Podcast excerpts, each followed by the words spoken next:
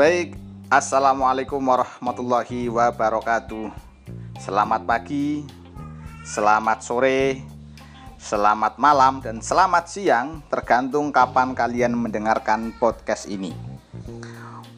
Teman-teman mahasiswa teknik presentasi periklanan yang berbahagia di mana pun Anda berada Yang pertama, semoga tetap dalam keadaan sehat walafiat lancar semuanya tanpa suatu halangan apa pun. Nah, baik, tak henti-hentinya saya mengajak pertama kita mari berdoa bersama-sama kepada Allah Subhanahu wa taala agar ilmu-ilmu yang kita pelajari dapat memberi manfaat untuk kita khususnya dan kepada yang lain pada umumnya sehingga ilmu yang kita peroleh tergolong ilmu yang bermanfaat dunia dan akhirat.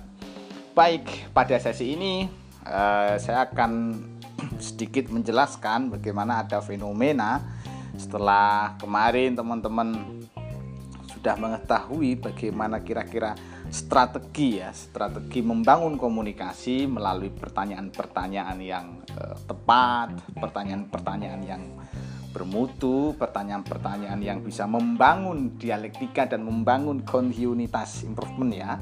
Ya, membangun apa namanya eh, komunikasi lebih lanjut ya. Sehingga eh, apa yang kita tuju bisa eh, tercapai. Nah, ada satu fenomena ketika teman-teman sedang melakukan presentasi. Ya. Eh, apa itu fenomenanya? Yang pertama adalah fenomena takut. Nah, ini menjadi problem bukan hanya mungkin teman-teman saja, tapi kebanyakan manusia, kebanyakan orang-orang ketika diminta untuk presentasi, yang pertama muncul di benaknya adalah takut.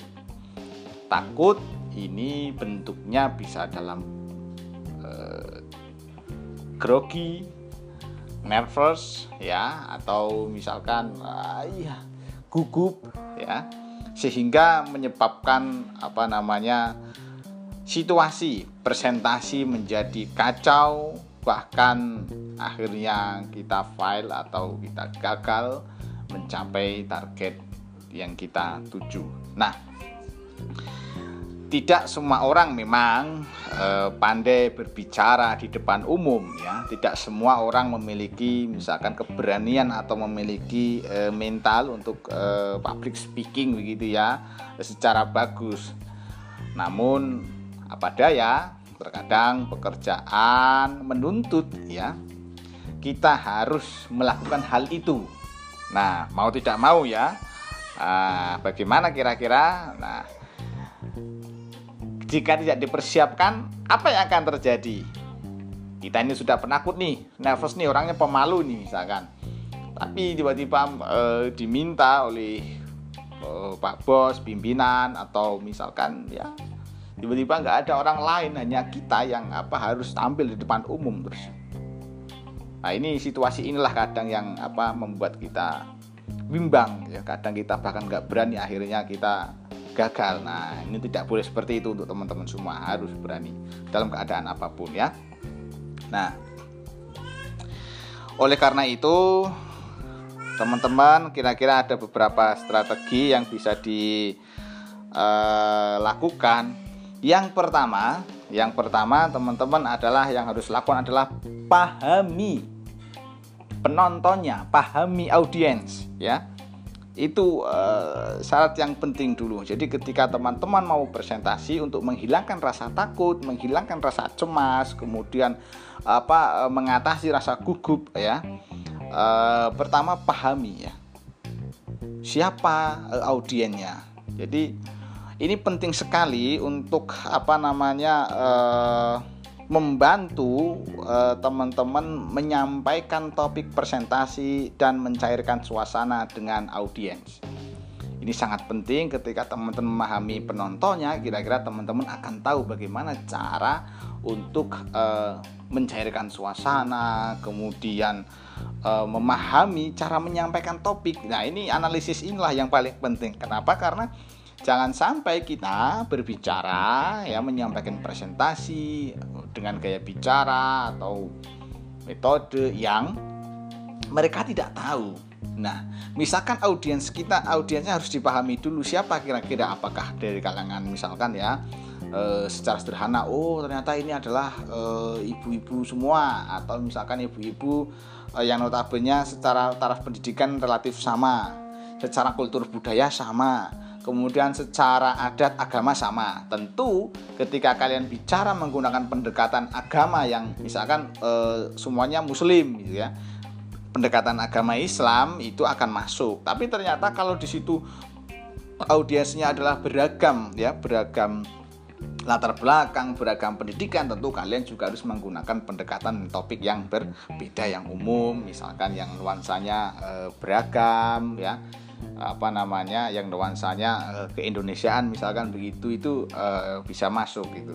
Tapi ketika audiensnya adalah uh, komunal atau apa namanya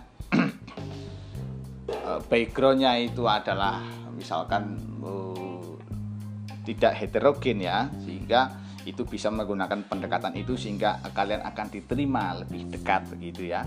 Tapi ketika kita bicara e, misalkan e, menggunakan pendekatan agama Islam ternyata mayoritas di situ Kristen, tentu itu akan berbalik arah. Makanya paling penting poin pertama adalah pahami dulu siapa penontonnya atau siapa audiensnya. Pemahamannya pahami dari mana yang pertama, paling penting adalah latar belakangnya. Apa itu?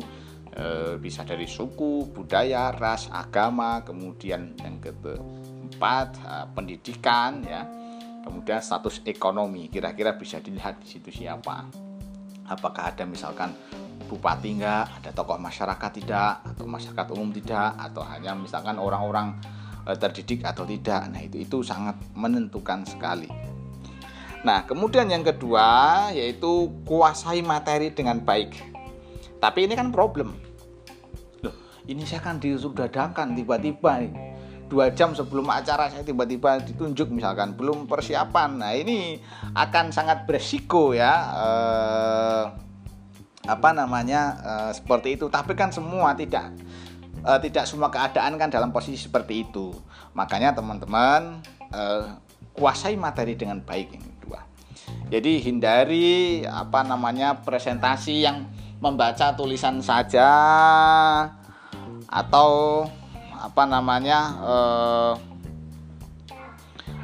hanya misalkan eh, membacakan PowerPoint saja atau membaca tulisan saja dan kaku begitu ya. Makanya teman-teman eh, ketika presentasi apa namanya eh, harus cair ya PowerPoint catatan itu hanya sebagai guideline sebagai pemandu poin-poinnya saja tapi tidak sampai terinci. Kadang kan orang biasanya e, memberikan presentasi itu isinya catatan semua atau powerpoint itu isinya tulisan semua ya. E, apa namanya 10 atau 20 halaman tapi satu halaman isinya tulisan semua detail. Nah makanya sebenarnya powerpoint atau catatan itu hanya alat bantu untuk menyampaikan poin-poin besarnya saja ya Selain itu usahakan uh, hindari apa namanya uh, membaca.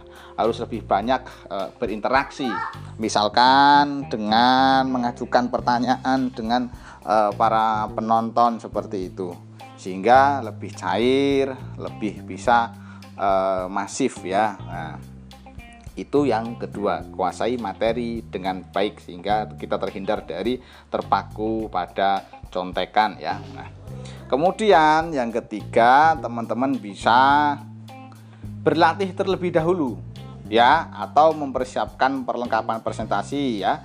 Jangan lupa terus berlatih, misalkan rekam latihan presentasi untuk lebih apa mudah melihat kesalahan sendiri dan eh, datang ini lebih awal untuk beradaptasi dengan eh, lingkungan dengan eh, apa stage begitu ya atau misalkan ada technical meeting ya technical meeting, kemudian ada gladi resik. Nah, ini penting sekali gladi resik ini untuk bisa mengecek, mengetahui kira-kira uh, apa-apa yang kurang, apa-apa perlu yang disesuaikan dan teman-teman secara emosional ketika sudah gladi resik, sudah ke lokasi dulu, ke panggung dulu, sudah bisa apa namanya kira-kira menguasai keadaan. Secara emosional ini sangat penting sekali ya.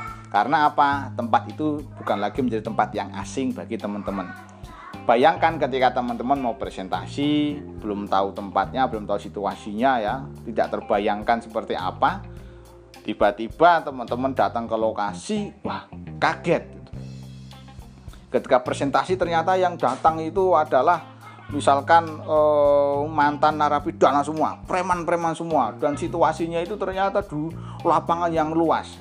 Bayangan kita itu di ruangan yang ber sejuk, tapi ternyata eh, di outdoor yang panas, ya, yang tidak ada AC sehingga bisa justru apa keringat, ya, wah, nggak nggak sesuai ekspektasi. Nah itu sangat apa eh, berpengaruh nanti terhadap eh, pola atau komunikasi yang kita lakukan. Makanya sangat penting sekali teman-teman untuk mempersiapkan ada apa namanya gladi resik, kemudian teman-teman lebih awal dulu.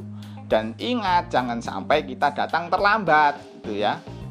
Harus disiplin tepat waktu. Ini sangat penting sekali untuk disiplin tepat waktu sebelum presentasi dilakukan. Jangan sampai kita ke lokasi presentasi waktu yang ada misalkan tinggal tiga menit. Wah kita belum persiapan.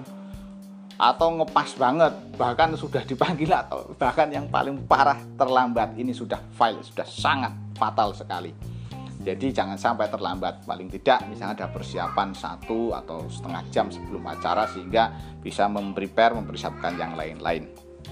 Nah itu yang keempat tadi ya. Kemudian uh, oh yang ketiga terus kemudian yang keempat ini uh, kontak mata. Sudah saya sampaikan di awal teman-teman. Kontak mata ini sangat berarti sehingga jangan pernah dinafikan ya ini harus tetap kalian kuasai tapi kan grogi pak tapi kan minder pak tapi kan apa namanya malu nah begini strateginya kontak mata itu bisa kalian gunakan tanpa masuk ke dalam perasaan. Artinya apa? Pandangan terhadap orang-orang itu diolah dalam pikiran saja. Jangan sampai ke perasaan yang akhirnya mempengaruhi psikologis teman-teman. Bagaimana caranya? Misalkan kalian bertemu dengan para hadirin, kemudian teman-teman imajinasikan bahwa lawan bicara kita ini adalah patung misalkan atau lawan bicara kita ini benda-benda saja, benda apa yang kalian tidak takuti, benda yang kalian senangi misalkan. Anggap saja seperti itu. Diimajinasikan seperti itu. Kenapa? Harus apa dengan e, imajinasi yang kuat, dengan mental yang kuat, keyakinan yang kuat gitu. Sehingga kita tidak minder. Jadi silakan imajinasikan itu kemudian tatap mata nih. Kalau sifatnya forum umum, ya tatapan kita ini umum saja ke wajah-wajah mereka pelan-pelan semua gitu ya ke audiens begitu kadang beberapa yang penting gitu ya misalkan kita menyampaikan terkait program yang penting ada pejabat di situ misalkan ada bupati wali kota gubernur presiden kita fokus ke beliau misalkan. Tapi atau pandangan-pandangan umum kita e, lebih ke rata-rata air ya pandangannya ke audiens begitu ya. Itu tidak masalah. Tapi intinya kontak mata itu e, sangat mempengaruhi bagaimana uh, presentasi kita sehingga orang merasa bahwa oh apa ada keintiman di situ ya, ada perhatian lebih khusus di sana. Nah, kemudian yang kelima teman-teman, pikirkan kesalahan yang mungkin terjadi. Jadi uh, memikirkan kesalahan yang akan terjadi juga penting saat persiapan presentasi ya. Misalkan jika kesalahan itu terjadi, Anda uh, tidak akan terkejut dan Anda sudah memiliki uh, ide untuk menghadapinya atau solusinya. Jadi sudah ada plan ya, plan A, plan B dan plan C begitu ya. Jadi kira-kira ini ketika presentasi uh, filenya itu apa file ya. Atau kegagalan itu nanti di mana? Atau misalkan uh, force mergernya itu ya itu di mana? Oh ternyata daerah sini kira-kira ini kawasan uh, rawan mati listrik misalkan.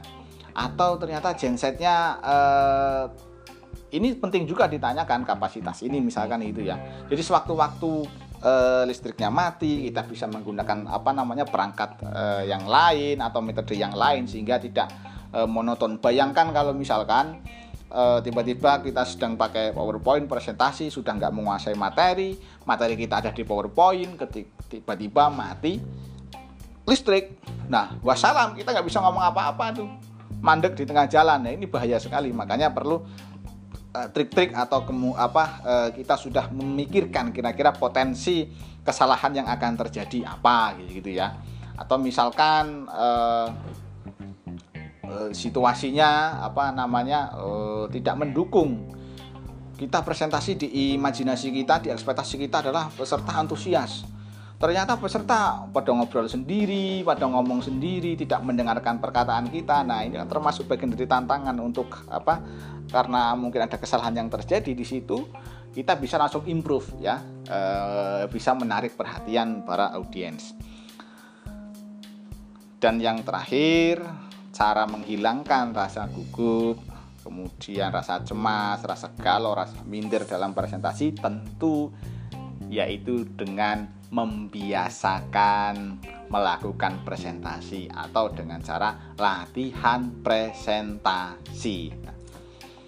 ingat teman-teman semua, hidup ini kuncinya ada di presentasi. Ketika kalian tiap hari secara disadari atau tidak sesungguhnya kalian kan sedang melakukan teknik presentasi. Nah, tapi silahkan terus jangan takut mencoba. Terus dilatih terus. Misalkan ketemu teman-teman ada ide apa presentasikan ya. Ya um, bikin kelompok-kelompok kecil ya mini club gitulah ya untuk presentasi menyampaikan ide sesuatu gagasan sesuatu. Terus dilatih ya ya eh, itu kemudian latihan vokal, olah vokal dan seterusnya, olah wajah yang kemudian eh, buatlah ekosistem yang membuat kalian merasa eh, support system begitu ya. Lingkungan yang mendukung teman-teman semua. Karena apa? Kebiasaan itu karena orang belum pernah mencoba.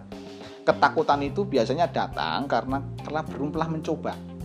Tapi setelah kalian mencoba sekali mungkin masih grogi, takut dua kali, agak mendingan tiga kali, mendingan empat kali, lima kali akan terbiasa.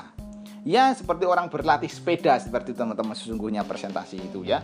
Awal ada ketakutan, kurang percaya diri, rasa takut tapi dicoba jatuh, bangkit lagi, coba lagi, baru dapat tiga kayuhan, lima kayuhan, nabrak, coba lagi terus. Tapi ketika akhirnya kalian sudah bisa, lepas landas bisa uh betapa nikmatnya betapa bagusnya betapa apa namanya mempesonanya kita semua ketika kita melakukan sebuah uh, presentasi.